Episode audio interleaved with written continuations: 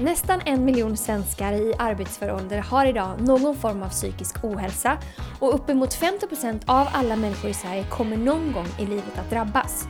Hur kommer det sig att vi mår så dåligt när vi har det så bra? Och hur kan vi hjälpa människor att må bättre? Och vad är egentligen psykisk ohälsa eller vad är psykisk hälsa? Det här är Sisterhood-podden Psykisk hälsa.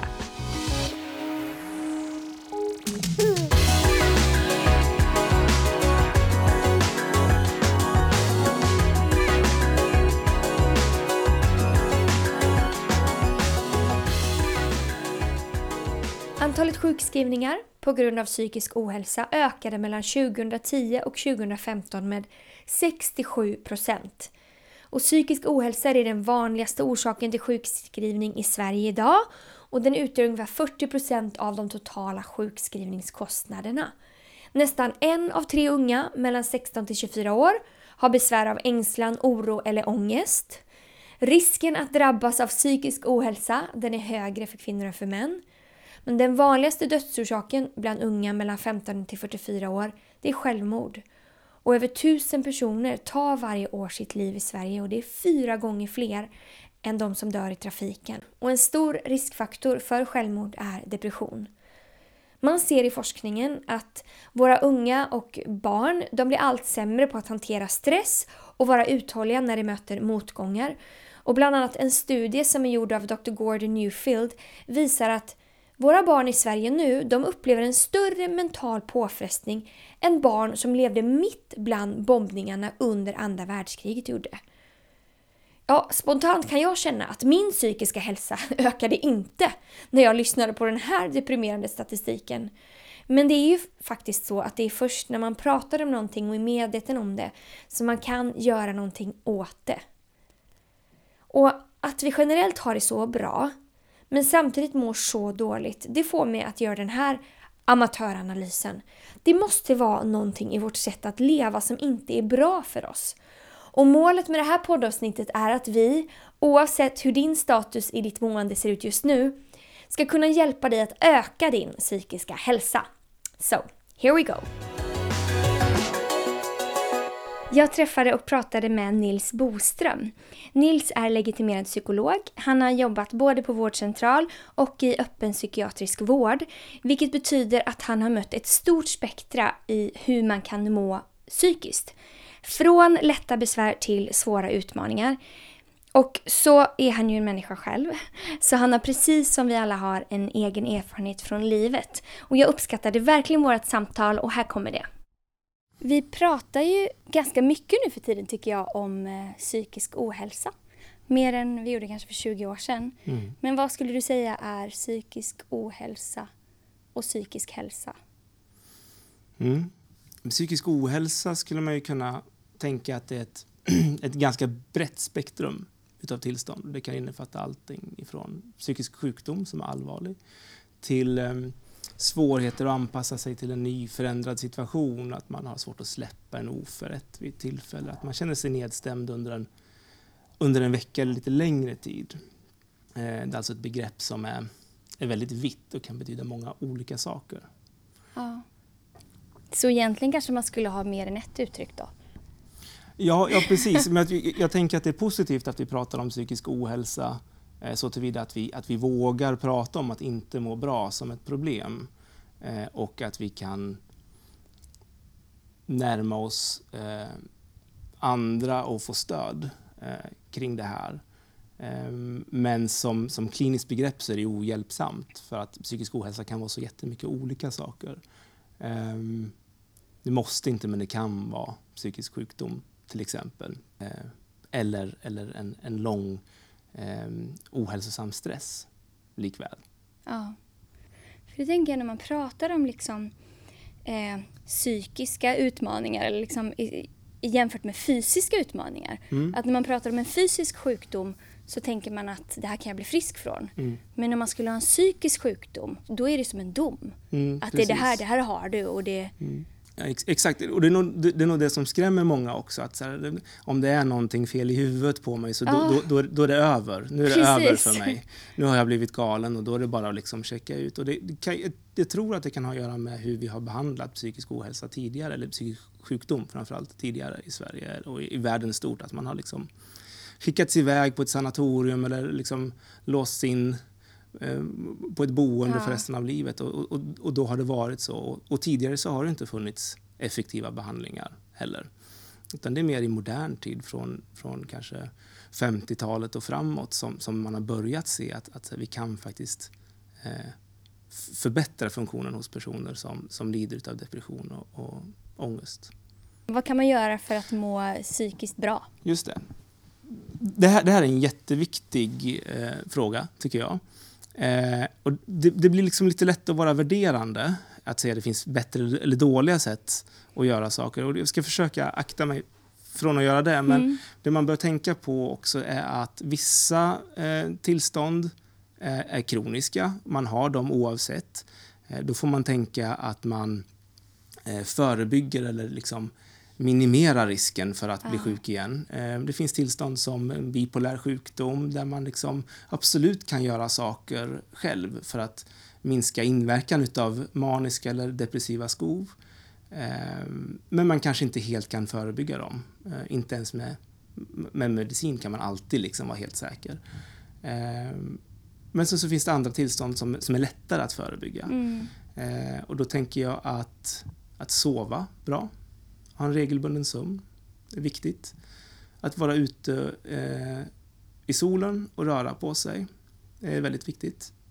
Eh, att, att ha ett socialt nätverk, eh, ha vänner, eh, personer som man tycker om och, och, och litar på är jätteviktigt. Eh, att eh, äta ordentligt, väldigt viktigt. Sömnen är såklart superviktig. Eh, det hjälper oss att återhämta oss och bearbeta sånt som vi har varit med om. Och den blir alltid bättre om vi har varit ute i solen och om vi har rört på oss, eh, om vi är aktiva. Ehm, så det där är sådana grundsaker som är bra. Att, att tänka på hur mycket alkohol man konsumerar. Ehm, mediciner och droger kan också såklart påverka ens psykiska eh, mående det här tänker jag, det är mer liksom saker som skulle kunna vara sårbarhetsfaktorer. Mm. Eh, för, för, det är klart att man kan slarva med sömn och mat utan att bli psykiskt sjuk. Man, man kan liksom göra massa saker som, som, som, inte är så gynnsamma för oss utan att det är någon fara i sig. Men, men då är vi mycket mer känsliga för, för, för motgångar och har större liksom risk att utveckla en, en, en, en ohälsa.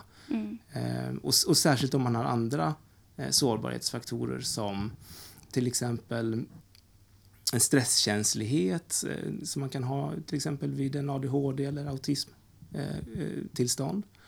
Eller ehm, en sån här liksom, kroniskt återkommande sjukdomsbild som vid bipolär sjukdom. Mm. Då kan man verkligen behöva liksom, vara fokuserad på att eh, inte dricka och alltid sova ordentligt och, och se till att man har möjlighet för återhämtning och sådär.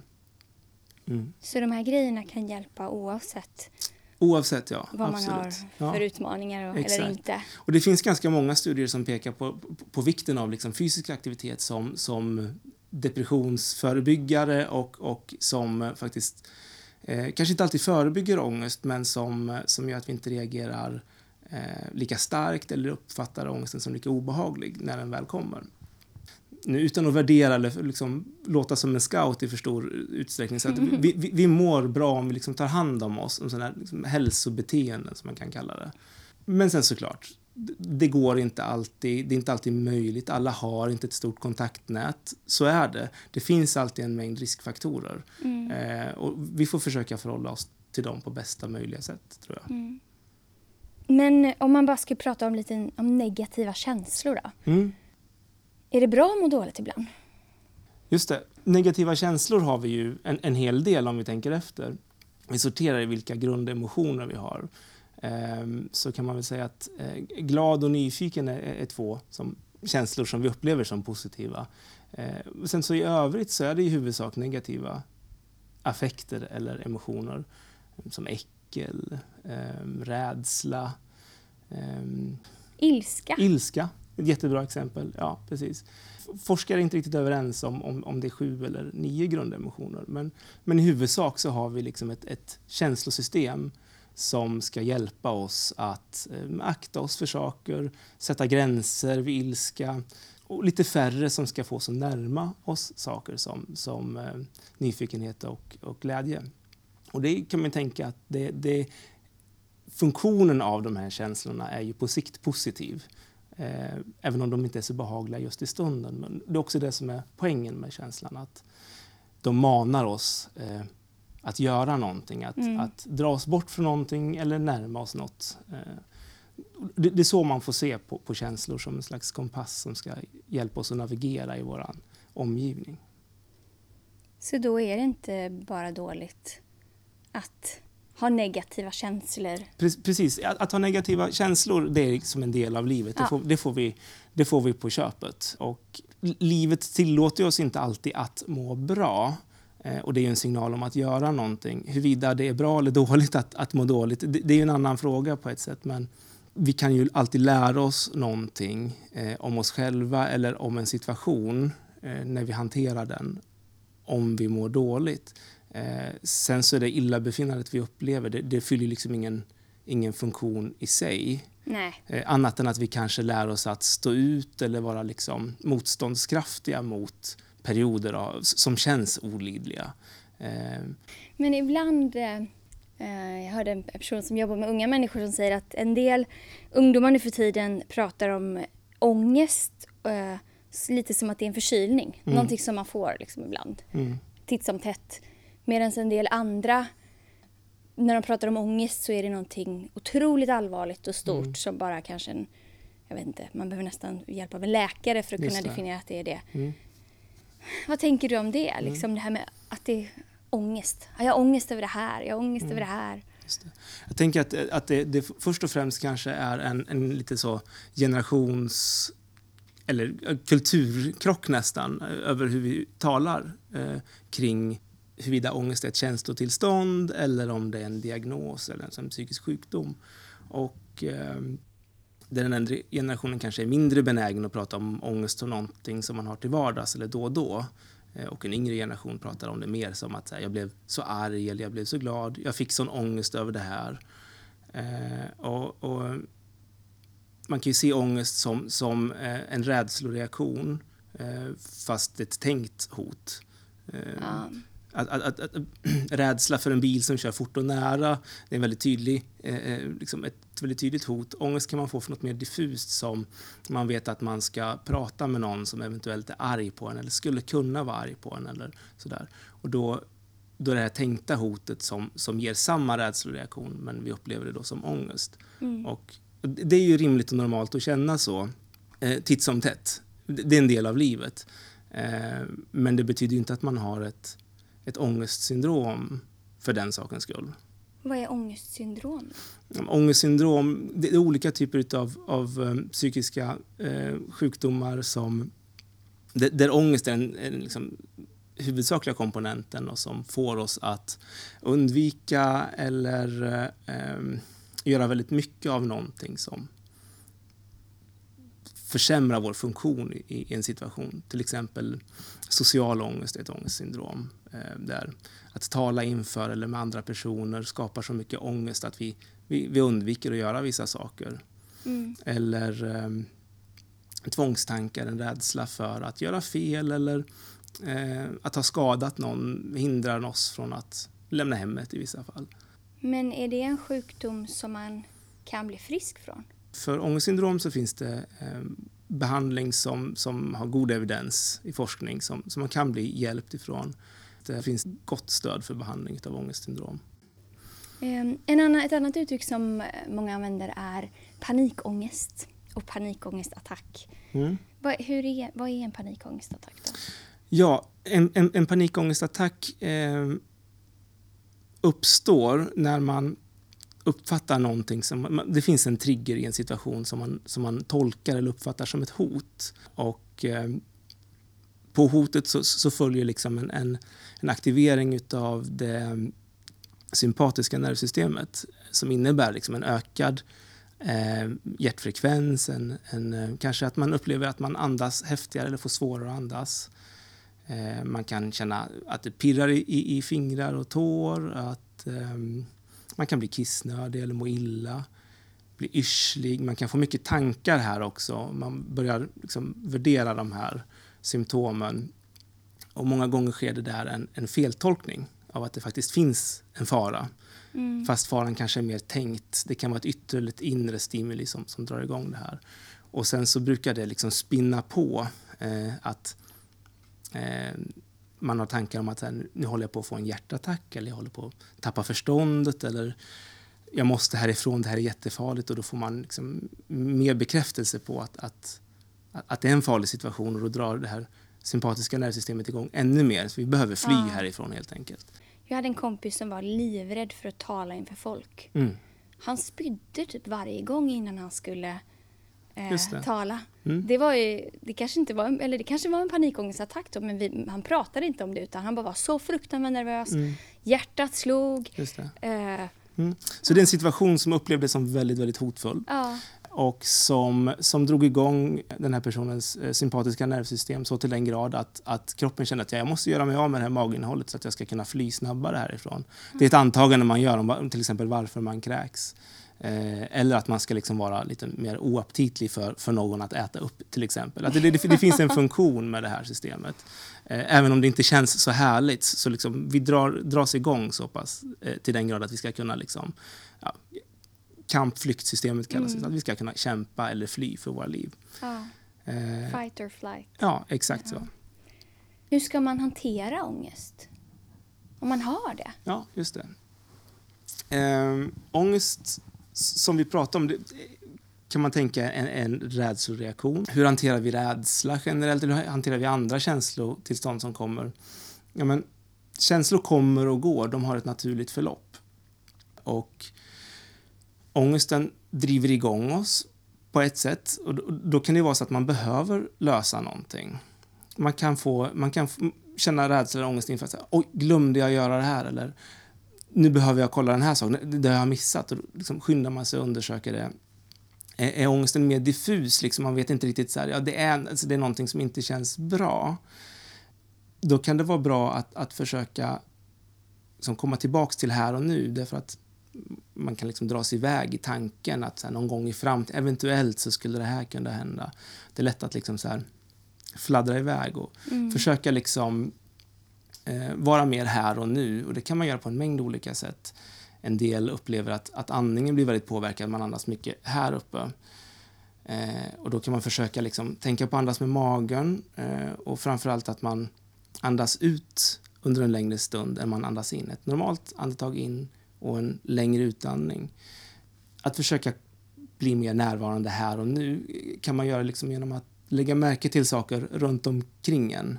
Kan till exempel börja beskriva hur en stol ser ut eller en bukett om man har det eller något annat. Ehm, lägga märke till vilka ljud man hör runt omkring sig. Beskriva dem kort.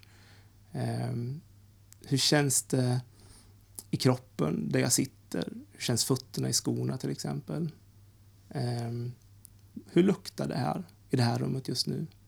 Känner jag någon speciell smak i munnen?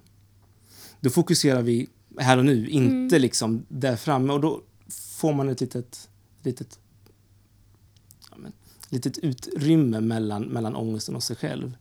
Eh, och då kanske man kan stå ut med att vänta in att ångesten klingar av av sig själv. För det kommer den att göra. Den mm. kommer ha det här förloppet där den kanske liksom böljar lite upp och ner eh, men successivt så avtar den, för det gör alla känslotillstånd. Mm. Och känslor i sig är ju inte farliga även om de är obehagliga. De finns ju där för att ja, mm. guida oss. Det är väldigt intressant för det är ju precis så att det är ju eh, det fysiska och det psykiska hänger ihop så mycket. Ja. Så då när man andas eller när man liksom bestämmer sig för att tänka på sina skosnören mm. eller vad det är då är det som att man hjälper kroppen. Mm. Eh, för att det är aldrig bara det är aldrig bara en tanke, utan tanken gör någonting fysiskt mm, också. Precis. Är det så? Ja, det, det skulle jag absolut säga att, att eh, våra tankar, känslor och beteenden är ju, är ju tätt förknippade. Också såklart våran kropp. Hade vi inte haft en kropp så hade vi inte haft någonstans att känna känslorna i. Mm. Eh, därför att det är väldigt mycket fysiologiska responser ihop med liksom en tankemässig komponent och en vilja att göra någonting, närma sig något eller eh, Ja. dra sig bort från, från något. Mm. Ehm, Så, så, så absolut, och, och hur vi tolkar och värderar de här liksom, responserna som kroppen har påverkar ju jättemycket hur vi upplever den känslan eller den situationen. Och kan vi då liksom skapa det här lilla glappet och ge oss en liten stunds eftertanke eller inte dras med så mycket i det så tror jag att man kan liksom absolut vara hjälpt där och då. Eh, Men på sikt så blir man ju också hjälpt på så sätt att man lär sig att den här känslan är obehaglig men den, den passerar. Mm. Och det är inte så farligt att uppleva det här. Eh, Och då är det inte heller hindrande i vardagen på samma sätt. Nej, precis. Och en känsla av att man har någon form av kontroll. Ja, Alltså jag har absolut. kontroll över den här situationen. Eller det är Mm. okej. liksom. Jag- Ja, precis. Att, att, att det blir mindre skrämmande och obehagligt Ja. eh, när kroppen reagerar starkt. Mm. Mm.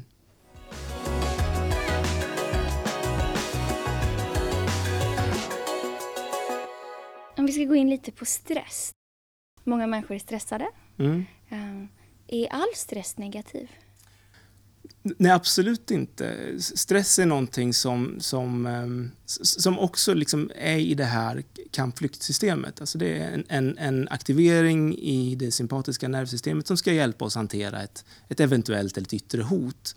Ehm, hotet i den här stresssituationen kan ju vara en deadline eller att man ska hinna göra mycket saker ehm, på en kort tid. Och då behöver vi liksom aktivera oss. Vi behöver liksom ha lite puls för att vi ska kunna fixa den situationen. Vi behöver det här liksom lite mer avsmalnade tunnelseendet för att fokusera på en sak. Vi kan liksom Mm. inte hålla på och lalla runt och göra andra grejer under tiden. Eh, och, och, och stress är någonting som vi eh, är är byggda för att kunna hantera. Det är när stressen blir långvarig och det inte finns tid för återhämtning som eh, det kan bli sjukligt och man kan Eh, får något någonting som kallas för utmattningssyndrom. Det vill säga att man inte har återhämtat sig ordentligt eh, och inte heller får någon liksom vila av sömn. Eh, man kan få mm, påverkan på minnesfunktioner eller närminnet eller långtidsminnet, svårigheter att koncentrera sig och en, en liksom förlamande trötthet. Men, men stress under en kort tid eh, några veckor eller så, kan höja vår eh, förmåga att prestera. Mm. Varför är folk så stressade nu för tiden då? Mm. Vet du det? Det, är ju, det är ju en svår fråga tycker jag. Ja. Varför är folk stressade? jag, tr- jag tror att vi har eh, alla möjligheter att jobba eh, nu jämfört med tidigare. Eh, vi har möjlighet att jobba eh, hemifrån eh, på kvällar, nätter, helger. Vi har vant oss vid att få svar snabbt. Det finns kanske en, en större otålighet. Jag, jag vet inte om det, om det är så, men, men, men innan har det funnits en postgång som man måste ta, ta hänsyn till. Så, ja, vi, vi postar den, den är framme om två dagar eller så. Ja. Jämfört med så här, men jag mejlar den nu. Man kan, man kan få allting nu och det, det ställer också krav på att vi ska liksom, producera och, och, och, och vara effektiva. Ja.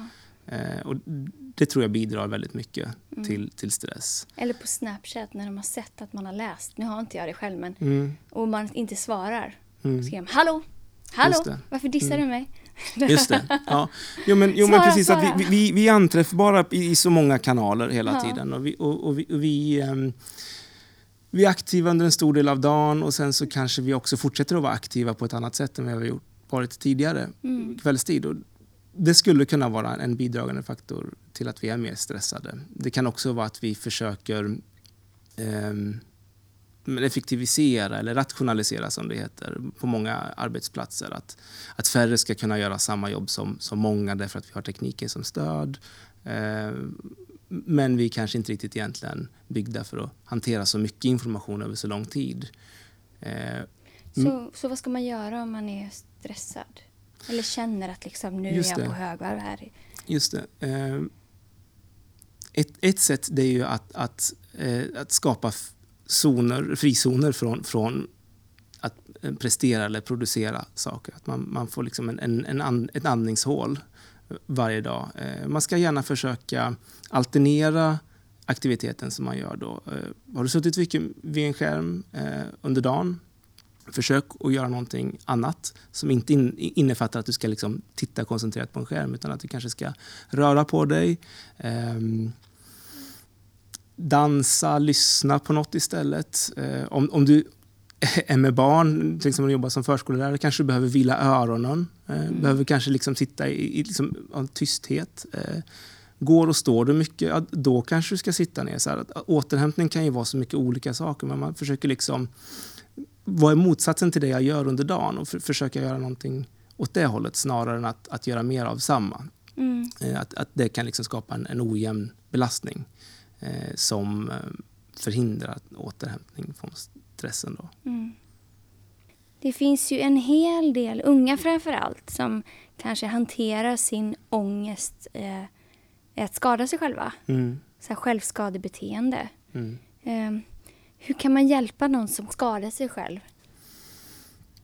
Jag tänker att, att är man en, en nära anhörig eller person som står vid sidan om eh, så är det viktigt att känna till att den här personen som, som skadar sig själv gör det som liksom en ångestregleringsstrategi ofta. Den här personen mår väldigt dåligt och har har svårt att hitta sätt att hantera det.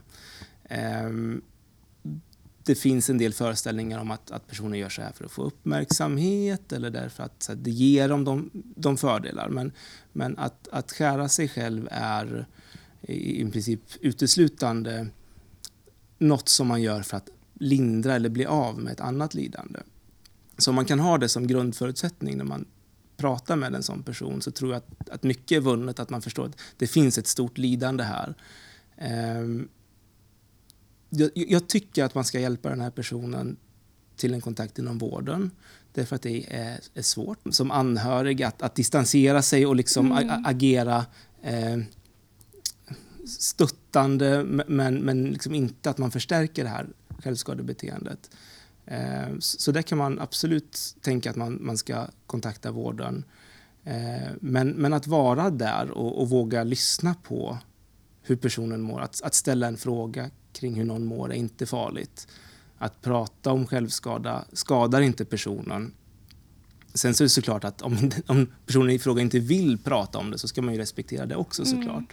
Men, och, och, så är det ofta att, att, personer som har skurit sig själv döljer eh, Eh, ärr och, och sår eh, som är färska eller liksom mm. eh, mår dåligt kring dem också. Hjälpa till hjälp eh, är nog kanske det bästa tipset här. Eh, därför att det kan vara svårt att förstå hur man kan avhjälpa det. Men sen så tror jag att att stötta den här personen på andra sätt. Att, att finnas där liksom och hjälpa eh, en person att reglera ångesten genom att kanske eh, om man märker att någon är ångestfylld, att, att hjälpa den att, att fokusera på någonting annat. Man kan sitta med den och prata om någonting. Um, om det är en person som man oroar sig väldigt mycket för så ska man ju såklart inte lämna den personen ensam.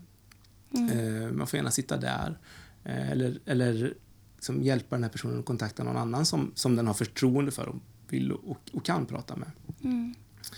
Uh, sen så tänker jag att det är också en, en grupp som många gånger mår så dåligt så att de överväger eller tänker på att inte vilja finnas. Och en sån fråga är också en sån här sak som man inte skadar om man ställer. Har du någon gång tänkt på att du inte vill leva? Har du faktiskt planerat att ta ditt liv? Det här är frågor som jag tror att vi generellt är rädda för att ställa för att mm. vi tänker att det kommer dra igång någonting. Eh, effekten brukar snarare vara tvärtom. Att okay, någon vågar faktiskt fråga hur jag verkligen mår. Någon bryr sig om jag skulle skada mig själv eh, på ett så sätt att jag kanske dog. Och det, det, tror jag är ett väldigt viktigt budskap eh, att förmedla. Att, att man finns där oavsett om någonting är väldigt tufft. Mm. Eh, det är en väldig trygghet, tror jag. Ja. Mm. Hur ska man göra om man är vän då? För om man är tonåring, låt säga. Mm. Jag vet ju flera tonåringar nu för tiden som har vänner som skär sig, mår dåligt. Mm. Eh, och som man har otroligt stor omtanke mm. och vill liksom fixa situationen. Ja, just det. Eh, hur, vad, vad, vad, kan man ta ansvar för och vad ska man inte ta ansvar för? Mm. Ehm, um, man, man kan liksom aldrig ta ansvar för att, att bota den här vännen. Det är extremt svårt liksom, som, som, som tonåring att liksom, sätta sig in i och förstå mekanismerna bakom ett självskadebeteende. Um, att, att, att finnas där och trösta och lindra är ju såklart alltid, alltid någonting som är bra. Eh, och sen så kan man ju fundera på om man, eh, om man förstärker beteendet att skada sig själv eller om man förstärker beteendet att prata om att man skadar sig själv. Det, det är viktigt att, att personen känner att den, är, den, kan prata om att den har skadat sig själv. Mm. Men man behöver också hjälpa den här vidare på något sätt. Att, här, vi behöver prata med en vuxen, att man kan finnas där och peppa. Att, eh, ta kontakt med någon mer. Är, är det mycket djupa sår, mycket liksom, man ser att det, det är liksom bandage som det har blött igenom, så här, då, då ska man absolut kontakta vården och kanske till och med akut. Att åka mm. till akut psykiatrisk mottagning. Men det är samma sak där då, hjälp till hjälp på något mm. sätt. Mm. Det är definitivt ett sånt område som, som är, är så svårt eh, att eh, hantera som, som icke-professionell vårdperson. Att, mm. att man bör, bör lämna det. Men såklart finnas där och stötta personen eh, i den mån personen är villig att prata om det. Mm. Visa att man finns där, att man, man tål att höra jobbiga saker. Um, Sen kan det finnas en, liksom en skuld också. Eller att man känner så att nu måste jag vara med den här personen mm. så att den inte skadar sig mer. Eller se till att den mår mm. bra så att mm. det inte händer något värre.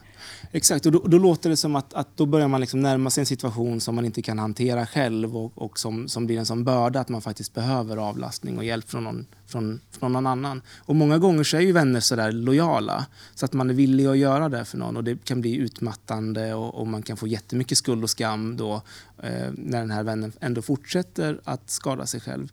Och det är som en del i varför man ska söka, hjälpa den här personen att söka hjälp. Mm. Eh.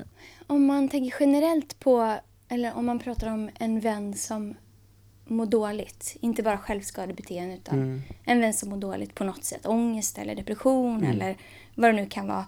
Hur mycket ska man som vän ha nåd med? Och hur mycket ska man eh, försöka utmana? Mm. Det, det, är en sån här fråga som, som också är en, en väldig balansgång.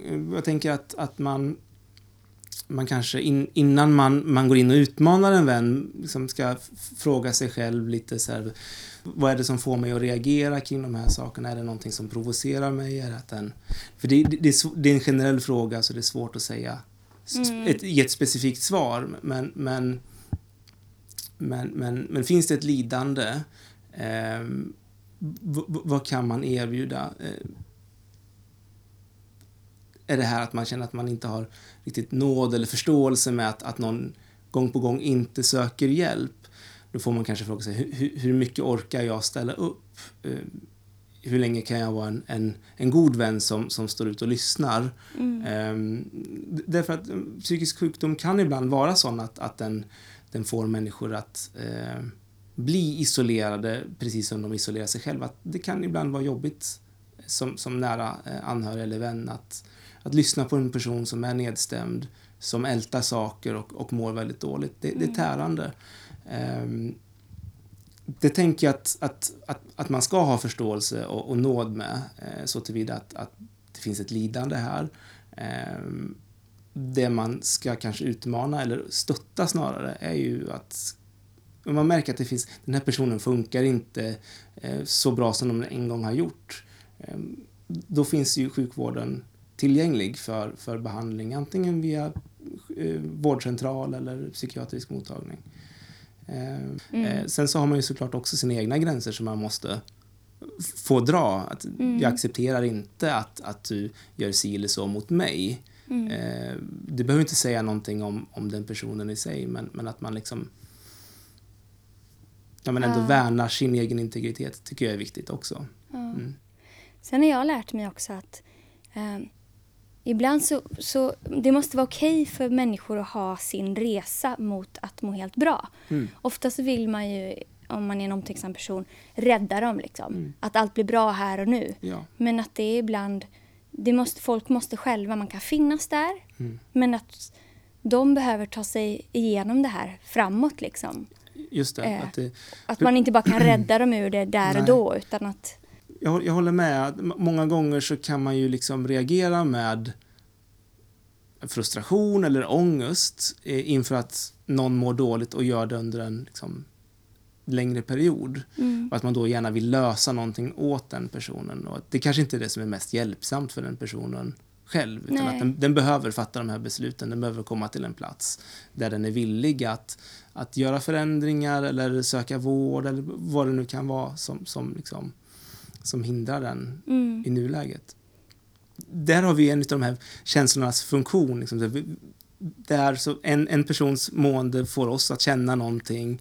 Eh, och, och, det, är, det är så det ska funka. Mm. Eh, men vi kan liksom inte tvinga någon att må bra eller må annorlunda. Eh, för det är väldigt svårt att påverka våra känslor. Ja. Vi kan ju påverka vad vi gör däremot. Eh, men, men då måste man också vara villig att, att göra någonting annorlunda. Mm.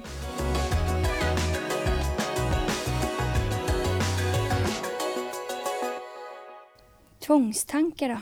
Mm. Vad är det? Kan man bli fri från det? Ja, det kan man. Tvångs, tvångstankar är, är ju ett ganska missuppfattat eh, begrepp. Vi kan prata om tvångstankar när vi känner att så här, vi har svårt att släppa någonting eller när man liksom är väldigt orolig för något så kan man tänka på någonting mycket. Eh, men, men tvångstankar eh, brukar ju vara mer sån här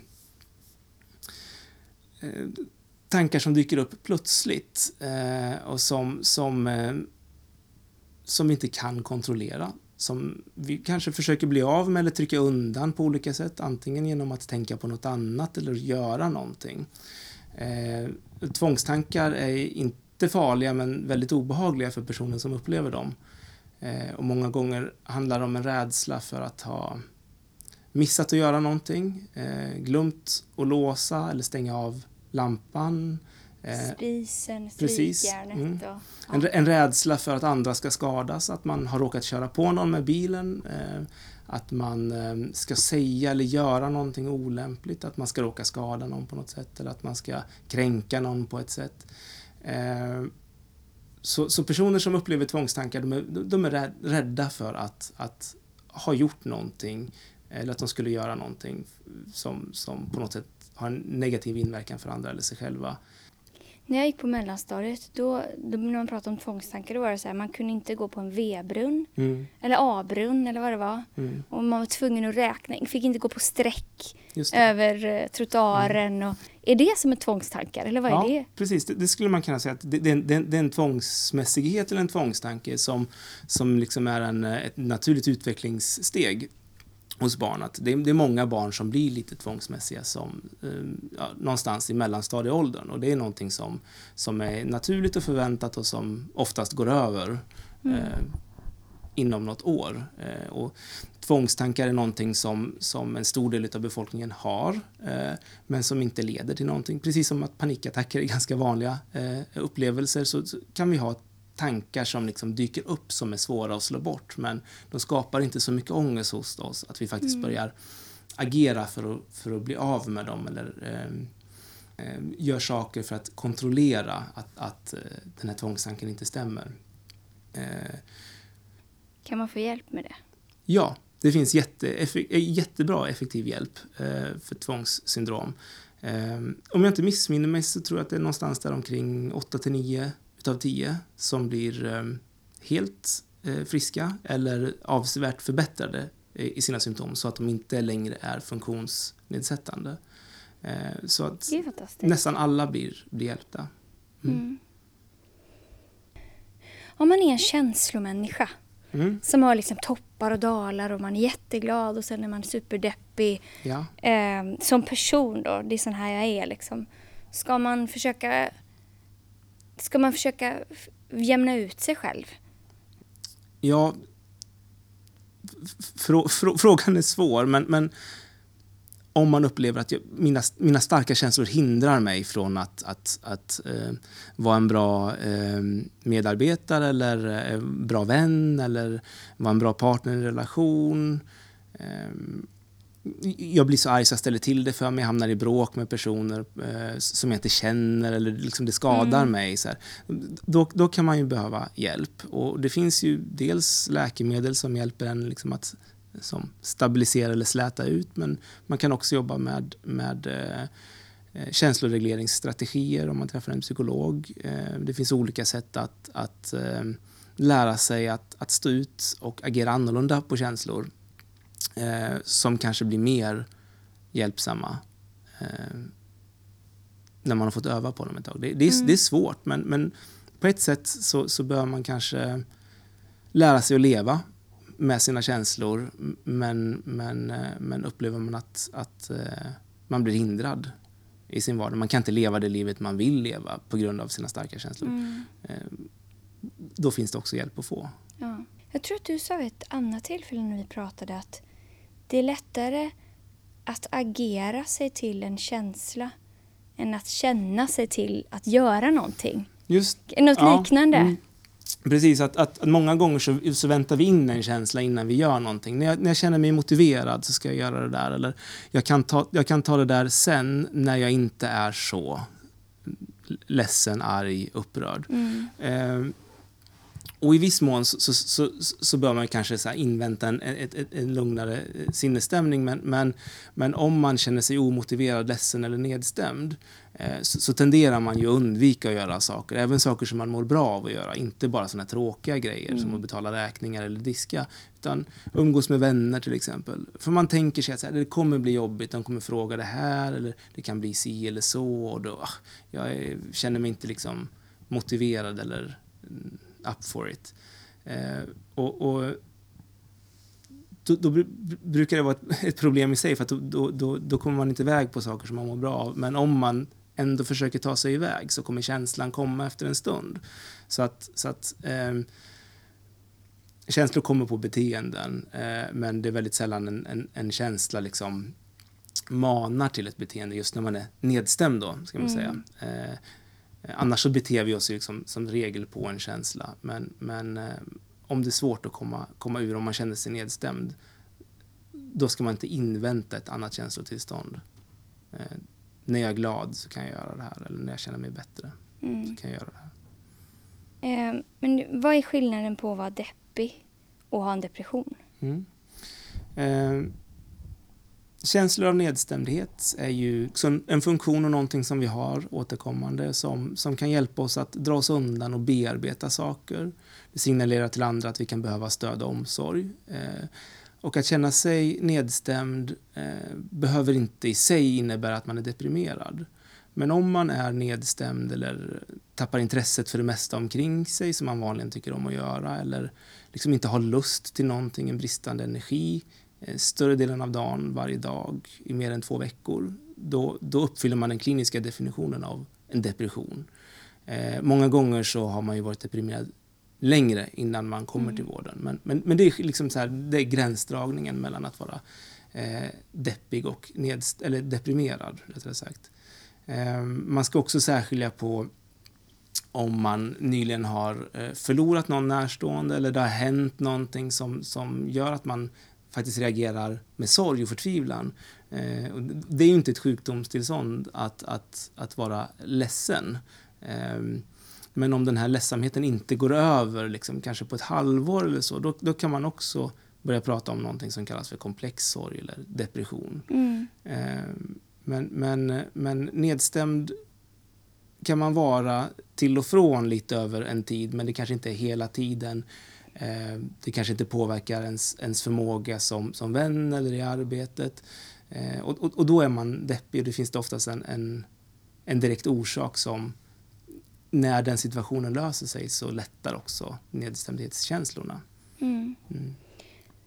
Om man är en deppig person då, mm. som kanske liksom återkommande får svackor. Just det. Mm. Eh, vad ska man göra då? Ska man tänka att ja, men det är så här det är. Mm. Eller, eller om man är gift med någon som, har, mm. som, som är så. Och, och, så kan det ju verkligen vara för en del att, att större delen av livet handlar om att det finns eh, en konstant eh, som nedstämdhet, eller man är liksom lite lägre i stämningsläge än de flesta runt omkring sig. Eh, och då kan man tänka att det är ett personlighetsdrag. Eh, det finns också ett, ett eh, eh, sjukdomstillstånd som kallas för dystemi som är liksom som en låggradig depression eh, som, som har pågått mer än två år, skulle man kunna säga. Och det är oftast lite mer kroniska tillstånd. Eh, det kan handla om en sätt att tolka och värdera en situation som domineras mer av pessimism eller liksom en, en negativ eh, syn. Och här är det inte alla som blir helt bra oavsett om man, om man gör en behandling eller inte. Men jag tänker att eh, sådana här faktorer som vi var inne på innan som att äta ordentligt, att sova mycket, att vara ute i solen, försöka umgås med vänner, Um, inte alltid låta känslan styra en, utan att man, man gör saker och inväntar känslan istället kan uh, minska symptomen och förebygga uh, djupare svackor. Mm. Uh, men, men i viss mån så, så, så är vi sådana. Eh, vissa personer är, är deppigare, andra är liksom peppigare. Eh, det är som en...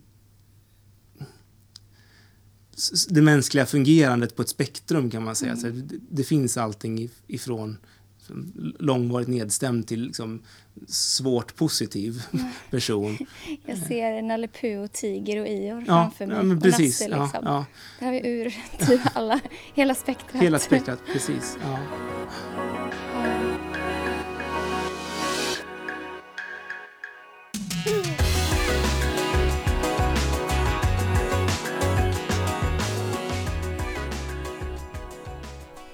De första människorna, Adam och Eva, de hade det jättebra i Edens lustgård. De levde ett liv där, där de hade alla förutsättningar för att de skulle kunna må bra både fysiskt, psykiskt och andligt. Och vi lever ju inte längre i en perfekt värld, tyvärr.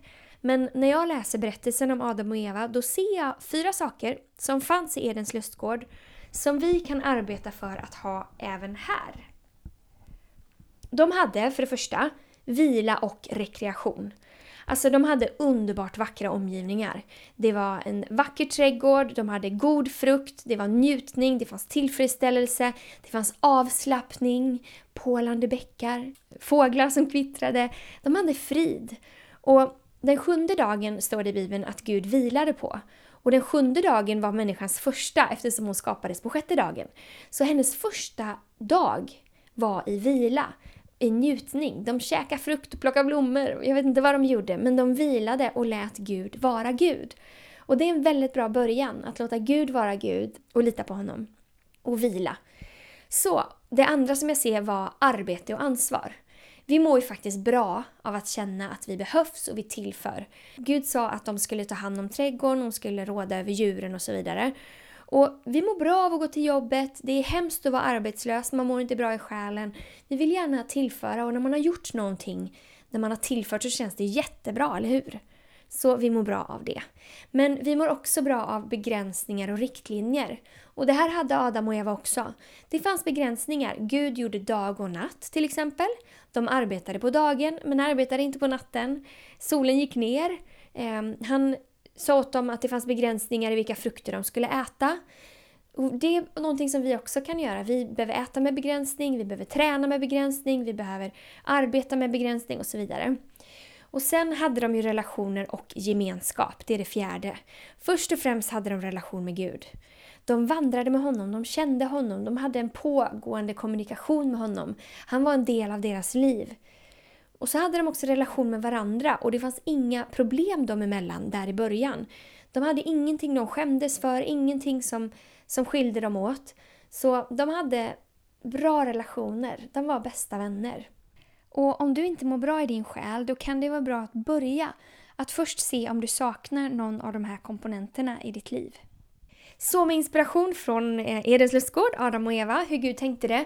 Så vad kan vi göra för att må psykiskt bra. Här har jag några saker jag tänkte på. Nummer ett, sov tillräckligt mycket.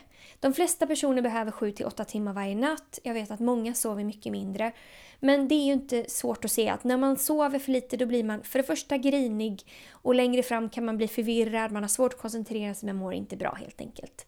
Eh, det andra jag tänker på är planera in rekreation.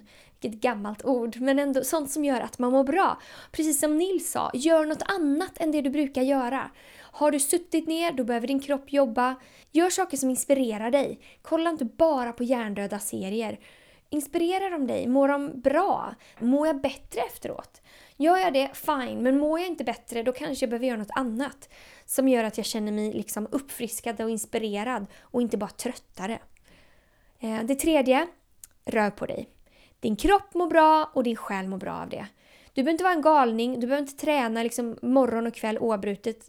Det finns lagom. Det här svenska ordet lagom passar väldigt bra här, men du behöver röra på dig. Det finns så mycket forskning som visar att vi mår bättre när vi rör på oss. Det har du säkert hört om tidigare. Nummer fyra, sitt ner när du äter. För det är faktiskt vetenskapligt bevisat att för det första så funkar dina smakkörtlar bättre när du sitter ner av någon anledning. Och kroppen förmedlar då eh, frid, glädje och så feel good känsla till din kropp. Och din matsmältning funkar faktiskt bättre när du sitter ner än när du står upp och äter. Det femte vi kan göra är så praktiskt som att ta probiotika. Många vet att mycket av immunförsvaret sitter i magen. Det är många reklam som, som pekar på det. Men vad inte lika många vet är att även ditt psykiska mående faktiskt påverkas av hur du mår i magen. Så se till att du har de bakterierna som du behöver ha där. Det kan hjälpa hur ditt humör är faktiskt. Och nummer sex som också har med mat att göra. Begränsa ditt intag av mat som är av typen The Modern American Diet. Den det är en titel som har sagt på den här maten som är processerad, massa socker, hel och halvfabrikat, friterat. Ja, den typen av mat. All mat som är processerad skadar vår kropp och vår hjärna och vår kropp kan ta hand om en del av det. Men när vi äter det för mycket så blir det för mycket för vår kropp att ta hand om. Det gör saker med våra hormoner, våra kemiska balanser och med mera. Och hur vi äter påverkar hur vi hanterar saker och hur vi kan eh, processera saker i vår hjärna. Så ät bra mat. Du kan avgöra vad det betyder för dig, men din kropp och din själ mår bra av det. Och här kommer nummer sju. Ha en sysselsättning som känns meningsfull. Alltså där du känner att du bidrar och gör nytta. Antingen kan det vara att du gör nytta genom arbetet eller så kanske du gör nytta på arbetsplatsen genom att skapa en härlig atmosfär eller någonting. Men din själ kan faktiskt må bra av att göra till och med sånt som inte är så kul. Det känns liksom bra efteråt att du klarade av det. Men begränsningar, jobba inte jämt. Nummer 8. Hitta en bra rytm i ditt liv. I Matteus evangeliet kapitel 11, vers 28 i en engelsk översättning som heter The Message, då säger Jesus Walk with me and work with me. Watch how I do it. Learn the unforced rhythms of grace. Alltså det finns en rytm som Gud kan ge oss där vi inte bara lever utifrån omvärldens förväntningar utan utifrån hur Gud leder oss. Och när man får in rätt rytm då orkar man mycket längre. Det vet du, om du brukar vara ute och springa, får du in rätt rytm så orkar du längre. Jag har hört det från de som arbetar på bondgård. Om man inte går ut för snabbt utan man bara fortsätter och fortsätter i rätt rytm så orkar man längre och så vidare. Nummer 9. Gör något för någon annan. Studier visar att generösa och givmilda människor är gladare och lyckligare än andra. Det känns gott att göra gott helt enkelt. 10. Begränsa din skärmtid. Det här har du säkert hört. Men det finns en tydlig koppling mellan för mycket skärm och psykisk ohälsa. Nummer 11. Investera in i bra relationer. Vänskap måste byggas. Det tar tid och det tar energi, men de får oss att må bra. Och det finns återigen studier som visar att det finns en tydlig koppling mellan ensamhet och högre risk för depression, sämre immunförsvar och till och med högt blodtryck. Men det är också bevisat att vi behöver relationer där man ses ansikte mot ansikte. Relationer via sms eller som bara består av kommunikation via telefonen, den ger inte alls det välmående, varken fysiskt eller psykiskt, som det är att träffa en människa live. Vi är skapade att vara nära andra människor. Nummer 12. Ha en levande relation med Gud. Investera in i din relation med Gud. Du mår bra av det. Och kom till kyrkan! För studier visar att människor som är med i en kyrkogemenskap generellt mår psykiskt mycket bättre än andra. Och vem du än är, vad du än är för typ av människa, då passar du jättebra in hos oss. Och vill du komma till oss i Hillsong så är det bara att kolla in på hillsong.se och titta vart vi träffas någonstans. Nummer 13. Lär dig att förändra hur du tänker. En del av de tankemönstren som vi har, de är inte hälsosamma, de kan vara riktigt negativa för oss. Och en fantastiskt bra app som kan hjälpa dig att bryta ner negativa tankebanor som du själv har svårt att komma ur, det är Dr. Caroline Leafs app Switch. Det finns flera appar som heter Switch, men den här hittar du lättast på eh, drleaf.com, drleaf.com, så hittar du appen där på hennes hemsida. Den kan jag verkligen rekommendera, jag har själv använt den och den har hjälpt mig jättemycket. Gud har skapat dig för liv och liv i överflöd. Han har tänkt att du ska ha ett härligt, rikt, blomstrande liv. Och livet går upp och ner och det är helt okej. Okay. Men om du inte mår bra, om du inte vill leva längre, om du är trött, om du befinner dig någonstans på skalan mellan lite småtrött i själen till dödslängtan eller psykisk sjukdom, då är det här inte slutet. Jag vill att du ska veta det. Det finns hjälp och det finns ljus i slutet av tunneln. Det finns massor av hjälp att få i vårt samhälle. Och till och med där sjukvården inte finner råd, där de inte vet vad de ska göra, där kan Gud göra det som är omöjligt för människor. Jag har själv sett det med egna ögon. Människor som trodde att det aldrig skulle bli bra, som idag lever ett bra liv och de mår bra på insidan och på utsidan. Så, ge inte upp. Ge inte upp min vän. Du har en Gud som ser dig, han tror på dig och du har ett helt sisterhood som vill stötta dig.